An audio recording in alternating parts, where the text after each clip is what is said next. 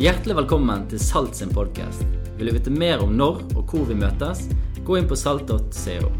20.-22. september vil vi gjerne ønske deg velkommen til årets salgkonferanse.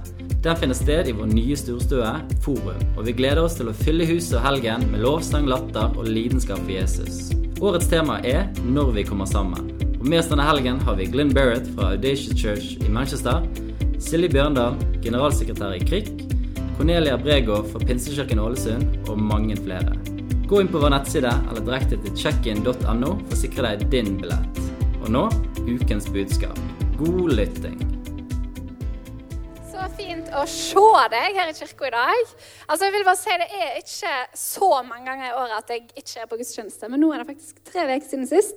Så jeg kjenner at for eh, kropp og sjel og sinn og ånd så er det veldig veldig fint å være her og feire gudstjeneste med dere alle her i dag. Tusen takk, kjære lovsangere og teknikere og vertskap og alle andre som har kommet tidlig og forberedt denne fantastiske gudstjenesten midt i juli. Og så må jeg si jeg blir litt sånn varmhjerta og litt ekstra stolt når jeg ser antall av årets substanskull som er med i lovsangstimen i dag. For vi har til og med fått liksom gjester fra substanskull i andre menigheter for å være med og lede oss i lovsang. Og jeg vil bare si at substans det er en investering i livet ditt.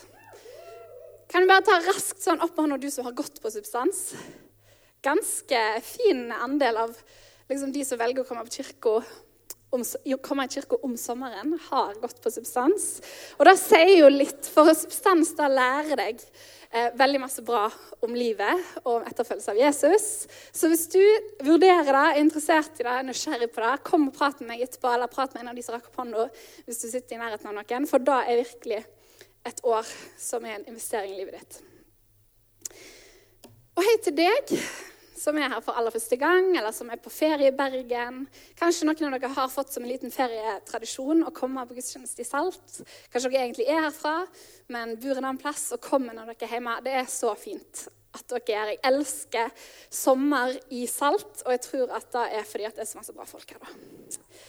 Jeg håper du har hatt en fin sommer så langt. Jeg tenkte jeg skulle fortelle litt om min sommer.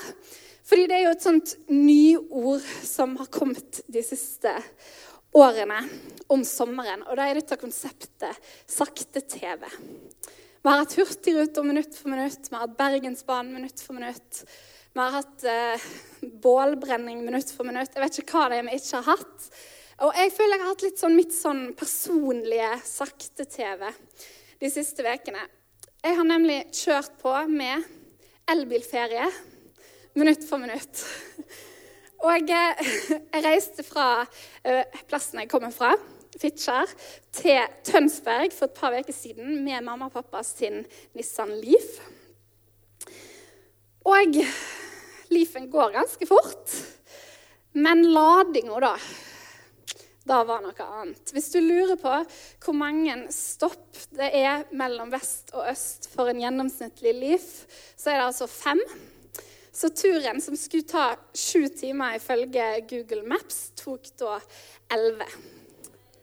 Men det gikk helt fint, for da var jeg faktisk innstilt på det. Jeg ikke tenkte på da var at når jeg skulle kjøre videre fra Tønsberg til Sørlandet, så er det kanskje litt flere elbiler ute og går enn på ladeplassen på Røldal. For på Røldal er det ikke så mange som er dumme nok til å komme med elbil og skal kjøre over fjellet. Men når du kommer til Stathelle utenfor Kragerø eller Porsgrunn, og det er kø på veien, og det er ladekø på ladestasjonen, og det er to fungerende stasjoner, og det er fem biler foran deg i køen, og hver bil lader noe mellom 25 til 45 minutter hver ja, da kjenner du at du er med i en ganske ufrivillig, personlig sakte-TV. Men du har helt sikkert vært i en lignende situasjon sjøl. Kanskje ikke akkurat den. Men du har helt sikkert vært i en situasjon hvor du har tenkt at ok, dette tok veldig mye lengre tid enn jeg trodde. Du ble sjuk en fredagskveld og måtte på legevakten og ble sittende der i timevis. Eller du skulle til fjells onsdag før påske, og du tenkte nå suser jeg av gårde, og du ble stående i bilkø. Sånne øyeblikk av ufrivillig sakte-TV. Men av og til så er det ikke bare øyeblikkene som føles som sakte-TV, men det er livet. Når du begynner på utdannelsen din samtidig som alle andre på kullet ditt er ferdig med sin. Når sykdom holder deg tilbake fra det livet som du trodde at du skulle få leve. Og når du venter og venter på det bønnesvaret som du har bedt om så lenge. Og av og til så kan jo ventinga i seg sjøl bli stressmomentet.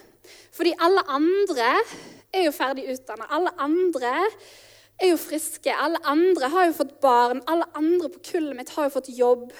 Hva er det så galt med meg? Vel, den generaliseringa der, den er ikke helt sann. Og hvis en først skal generalisere, så tror jeg at en rettere måte å gjøre det på vil være denne. Alle andre venter òg på noe. I Bibelen er det titalls historier om folk som venter. Abraham og Sara som venter på å få barn. Jakob som venter på å få gifte seg. Israelsfolket som venter på å få reise ut av Egypt. Og det samme folket som venter i 40 år på å få flytte inn i landet som de hadde blitt lova. Merk deg da du som venter på at huset ditt eller leiligheten skal bli innflytningsklar. I perspektivet av 40 år så kan det være at den ventingen går greit. Hanna, som òg venter på å få barn. David, som blir salva til konge, men venter på å få bli det likevel. Johannes og Elisabeth som venter på å få barn, og disiplene som tross alt bare venta i ti dager, men de visste ikke hvor lenge de skulle vente på at Den hellige ånd skulle komme og fylle dem med kraft. Vi venter alle på noe. På neste sesong, på neste steg, neste utvikling. Og denne ventinga den forteller oss noe om hvordan vi mennesker forholder oss til tid. I en bok i denne store boka, en bok i Bibelen som heter 'Forkynneren', i kapittel 3, så står det noe veldig konkret om tid fra vers 1. Alt har sin tid. Det er en tid for alt som skjer under himmelen. En tid for å fødes, en tid for å dø. En tid for å plante, en tid for å rykke opp. En tid for å drepe, en tid for å lege. En tid for å rive ned, en tid for å bygge. En tid for å gråte, en tid for å le. En tid for å sørge, en tid for å danse. En tid for å kaste stein. En tid for å samle steiner. En tid for å ta i favn, en tid for å la favntak være. En tid for å lete, en tid for å miste. En tid for å bevare, en tid for å kaste. En tid for å rive i stykker, en tid for å sy sammen. En tid for å tie, en tid for å tale. En tid for å elske og en tid for å hate. En tid for krig og en tid for fred. Gud, han bryr seg om timingen i livet vårt. Gud bryr seg om den. Og vi kan stole på han. Vi kan stole på at han vet hva som er rett timing for det som vi lengter etter, for det som vi drømmer om, for det som han har lovt oss, for det som vi ber om. Og ordet for tid her i denne teksten den handler ikke om minutter og sekunder og måneder og år. Det handler ikke om at det var en tid for å bli født, og det var den og den datoen i den og den måneden i det og det året. Men det handler om at det er en avsatt og oppnevnt tid for alt. Det er Gud som gir oss disse øyeblikkene, og som ser de fulle konturene av livet vårt. Og Den amerikanske forfatteren Roy Stedman han beskriver det sånn som dette. Everything must come in its appropriate time. If you get it out of sync, you are in trouble. Try to plant a crop in the middle of winter when snow is on the ground and it will not grow. Half of the problem of life is that we are constantly trying to run this schedule ourselves. But God has already planned the schedule. There is an appropriate time for everything. Er hensiktsmessig, det er oppnevnt tid for alt, sier han. Og vi kommer ut av rytmen de gangene vi kjemper imot årstidene i livene våre, sesongene i livene våre, i stedet for å jobbe med dem. Og Når jeg taler denne talen her, som handler om å stole på Guds timing og stole på Gud, så vet jeg at det fins et balansepunkt her. Balansepunktet mellom at vi kan stole på Gud, og at vi faktisk av og til kan ta kontroll over vårt eget liv sjøl. For det er jo sånn at når du trenger en jobb, så sitter du ikke i sofaen din og ser på Netflix. Eller for å rette meg sjøl, så bør du kanskje ikke sitte i sofaen din og se på Netflix. Du bør kanskje sende inn søknader, du bør gå på jobbintervju, du bør vise interesse. Men det fins områder i livet vårt som vi trodde at vi skulle fikse men som vi ikke klarte å fikse sjøl, og som vi treng, trenger at Gud er med oss i. Og det fins områder av livet som det faktisk aldri var meninga at vi skulle prøve å fikse sjøl. Og min påstand er at vi trenger Guds ledelse i livet vårt mer enn vi liker å innrømme. For av og til så blir vi litt som treåringer som skal klare sjøl. I stedet for å innrømme at vi faktisk trenger Gud. Og til i dag så vil jeg i dag til da, til da, så vil jeg i dag snakke om å stole på Guds timing. Og Det første vi må gjøre for å forstå Guds timing, det er å forstå hvem Gud er. På fredag så var jeg på kino med gode venner og så den nye 'Løvenes konge'-filmen. Noen som har sett den? Ja? Likte dere den? Ja. Jeg syns den var ganske bra. Men du vet, Disney-figurene med tegnefilm de er ganske skjønne. da. Og jeg vet ikke om de nye løvene klarer å bli enda skjønnere, selv om de er fine, de også. Men nok om det. Denne talen handler ikke om Løvenes konge. Men den skal handle litt om Løvenes konge. For jeg var litt sånn, åh, jeg kan jo ikke spoile filmen. Men så kom jeg på at egentlig er denne filmen 25 år gammel. Så hvis du ikke har hørt historien, så er det kanskje på tide uansett. Um, en veldig sentral scene i filmen er en scene der Simba, altså løva, får en utfordring om å komme tilbake til heimlandet sitt som konge. Og han sier 'Jeg kan ikke. Jeg kan ikke det. Jeg er ikke bra nok. Jeg er ikke, jeg er ikke en konge. Altså, jeg passer ikke til dette.'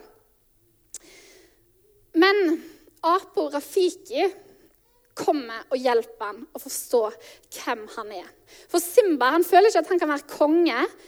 Han ser seg sjøl som ei, en løveunge som har blitt til en voksen løve, som har feila i livet, og som ikke er bra nok. Men Rafiki hjelper han til å se at hans identitet handler ikke om hva han har gjort, men det handler om hvor han kommer fra, hvem sin han er.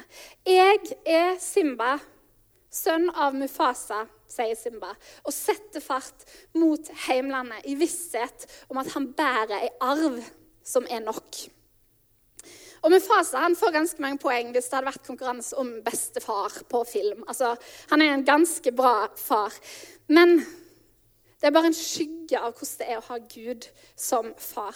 Tenk hvis vi hadde møtt våre utfordringer med tanken Jeg er Elisabeth, og jeg er Guds barn. Jeg er Harald, jeg er Guds barn. Jeg er Katrine, jeg er Guds barn. Vi kan stole på Guds timing i livet vårt fordi at Gud er en god far. Han er en god Gud. Han vil aldri svikte oss, han vil aldri forlate oss. Og når vi ser livet ut fra vårt eget perspektiv, så ser han da ut fra et mye større og mye stødigere perspektiv. Og bare noen vers etter dette lengre utdraget fra Forkynneren som jeg leste tidligere, så står dette i vers 11. Alt skapte han vakkert, hver ting til sin tid. Ja, alle tider har han lagt i menneskenes hjerte. Likevel kan ikke mennesket fatte det Gud har gjort fra begynnelse til slutt. Gud har skapt alt vakkert. Og Hvis du leser om skapelsen i første Mosebok, så står det igjen og igjen og igjen og igjen at Gud så at da han hadde skapt, var godt. Men det er ikke bare da Gud har skapt vakre ting. Han gjør det i våre hverdagsliv. Vær med meg ett sekund og grav litt i denne teksten. Det står i begynnelsen for alt har sin tid. Det er en tid for alt som skjer under himmelen. En tid for å fødes, en tid for å dø, en tid for å plante, en tid for å rykke opp, osv. Jeg skal ikke lese alt på nytt. Men alt dette har sin tid. Det positive har sin tid, og det negative har sin tid. Den gode sesongen har sin tid, den kjipe sesongen har sin tid. Sesonger av vekst sesonger av tørke. For alt har sin tid. Det er en tid for alt som skjer under himmelen, i vers 1. Og i vers 11. Og alt dette skapte han vakkert, hver ting til sin tid. Det er det samme altet som det står om i vers 1 og i vers 11. Det er da alt det som inkluderer alle sesonger. De gode, de vonde, livets berg og dalbane. Det er det samme altet som Gud har skapt vakkert. For Gud skaper vakre ting hver dag i livene våre i alle sesonger. Ofte så oppleves jo ikke de negative opplevelsene våre som så veldig vakre. Gjør de vel?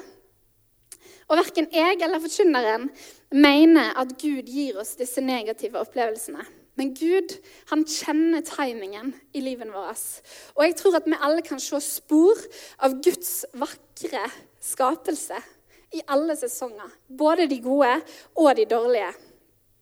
Selv i de utfordrende og krevende sesongene så kan Gud gjøre gode ting i livet vårt. Og I Roman 8,28 så står nettopp da at vi vet at alt tjener til det gode for de som elsker Gud, de han har kalt etter sin frie vilje. Og Når vi forstår og stoler på hvem Gud er, som skaper av vakre ting i livene våre, så kan vi òg stole på at han kjenner vår timing best. Sjøl de gangene andre sin timing ser så mye bedre ut enn vår egen. For når jeg var på elbilferie i sommer og sto på denne ladeplassen utenfor statellet. og jeg hadde fem biler foran meg i køen, og jeg sto der oppimot to timer, jeg vil bare si det så var det én ting som gjorde det tusen ganger verre. Og da var Foran meg var det fem biler i kø, men bak meg så var det ti Tesla ladestasjoner. Hvorav kanskje to av dem var i bruk. Og her står jeg tålmodig i mamma og pappa sin elbil, som jeg har lånt for å spare penger på flybilletter. Her står jeg og bak meg så bare suser Preben fra Bærum inn i Teslaen sin og bare har det så lett. Og jeg vet ikke hvordan det er med deg, men jeg syns dette ble et veldig relevant bilde på hvordan jeg av og til opplever livet. da. Enten du møter på sånne Prebener fra Bærum som det virker som at bare får ting i fanget uten å ha jobba for det engang. Men de har sikkert det. Men det virker sånn. Eller, og kanskje enda mer utfordrende, når du hører om folk som virker som om de har kommet så mye lenger enn deg, som virker som de har alt på stell, som kanskje til og med er yngre enn deg, men har kommet så mye lenger, og som du opplever at du ikke er like bra som. Ungdommer som har en helt annen drive enn deg, som Greta Thunberg, som får hele verden til å handle mot klimaendringer. Eller Jakob Ingebrigtsen, som tar en ny rekord hver eneste dag.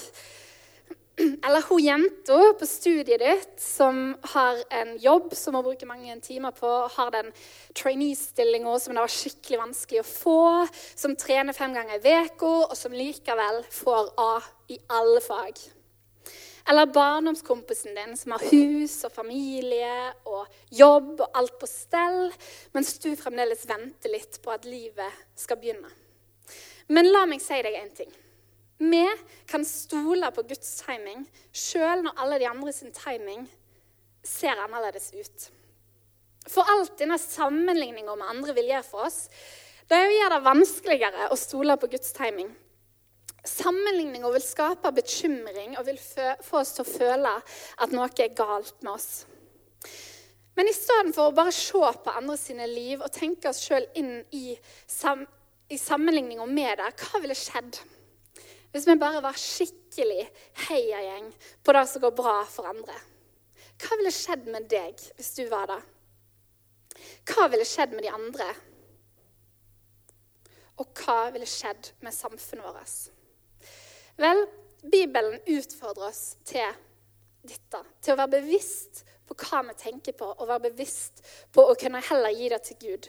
I Filippene 4, vers 6-8 så står det Vær ikke bekymret for noe.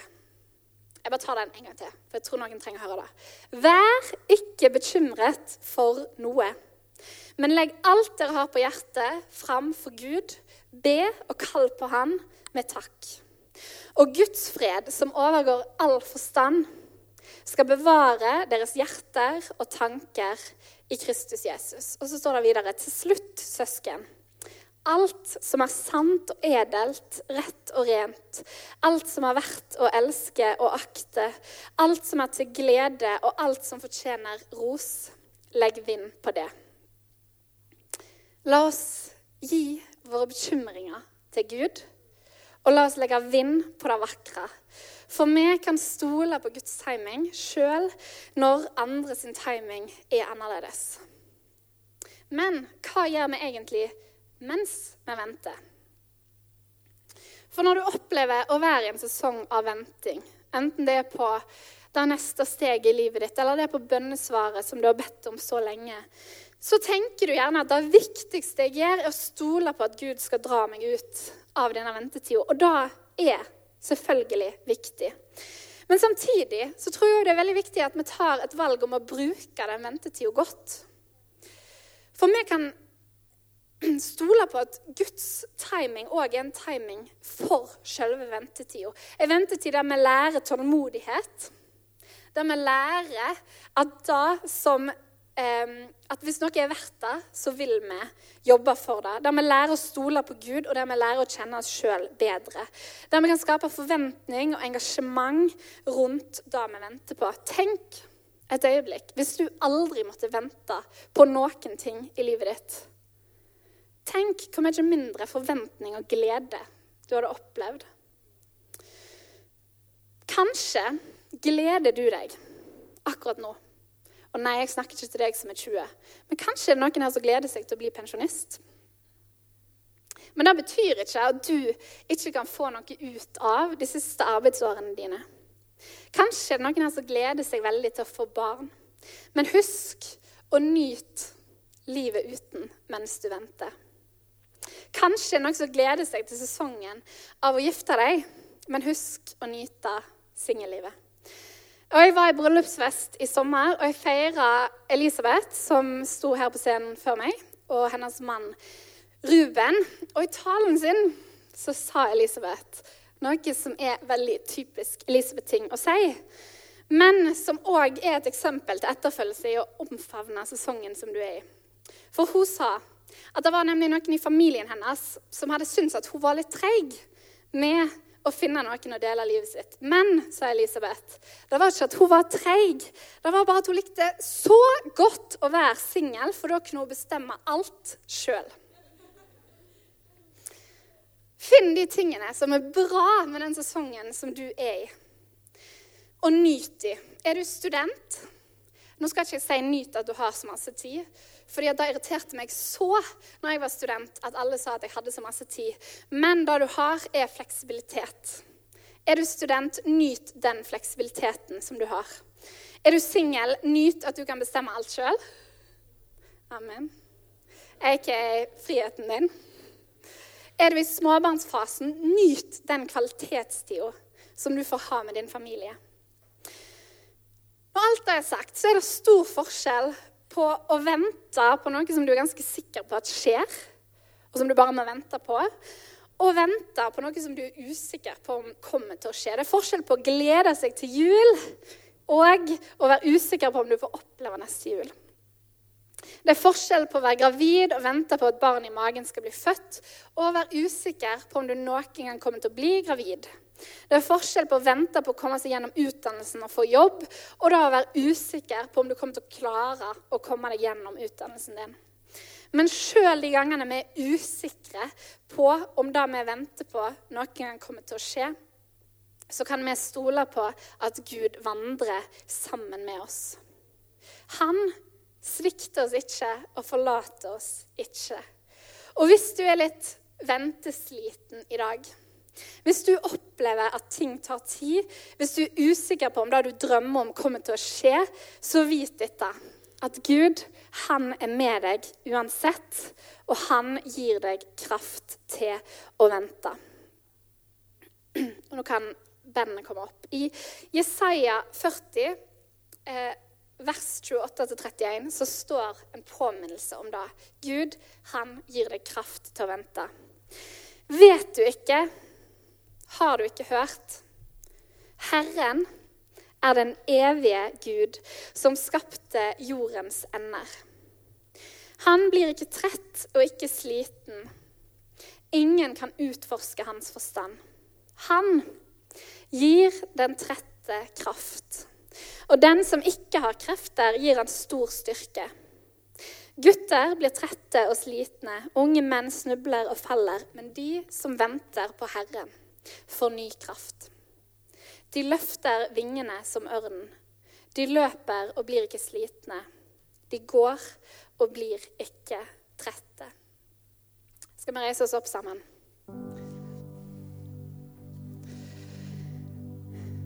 Jeg vet ikke hva du kom med inn i gudstjenesten i dag. Jeg vet ikke hvilke tanker du bærer denne sommeren. Jeg vet ikke hvilke ting som utfordrer deg. Jeg vet ikke hvor du er i livet. Men jeg har lyst til å be for deg i dag. Hvis du er på en plass der du opplever enten at at du venter på noe. Du har venta på noe ganske lenge. Du lengter etter å oppleve noe i livet ditt. Du lengter til den neste sesongen. Eller kanskje, hvis du er eh, en person som tidligere har opplevd at du har hatt ting du har drømt om at skal skje. Ting du har kanskje fått en drøm fra Gud, eller opplevd at du har fått en visjon fra Han, eller opplevd at du har fått en skikkelig brann for noe. Men kanskje du har lagt det litt fra deg, for ventetida ble litt for lang. Kanskje du har eh, lagt det litt bak deg. Kanskje du har tenkt at OK, det skjedde ikke. Men jeg tror at Gud i dag har lyst til å minne folk litt på noen sånne drømmer. Minner folket på noen sånne ting som han har lagt ned i deg. Jeg hadde en, eh, jeg hadde en drøm. Jeg hadde en eh, ting i livet mitt for mange år siden som jeg opplevde at Gud hadde lagt ned i meg. Og så opplevde jeg at livet så ikke helt sånn ut som da jeg opplevde at Gud hadde lagt ned i meg, så derfor la jeg det vekk.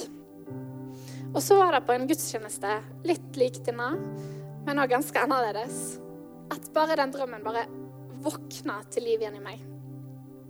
Um, som gjorde at da var en ting som faktisk jeg fikk oppleve å se at skjedde i livet mitt. Og jeg tror at Gud er litt klar for å vekke opp litt drømmer i livet til folk her i dag.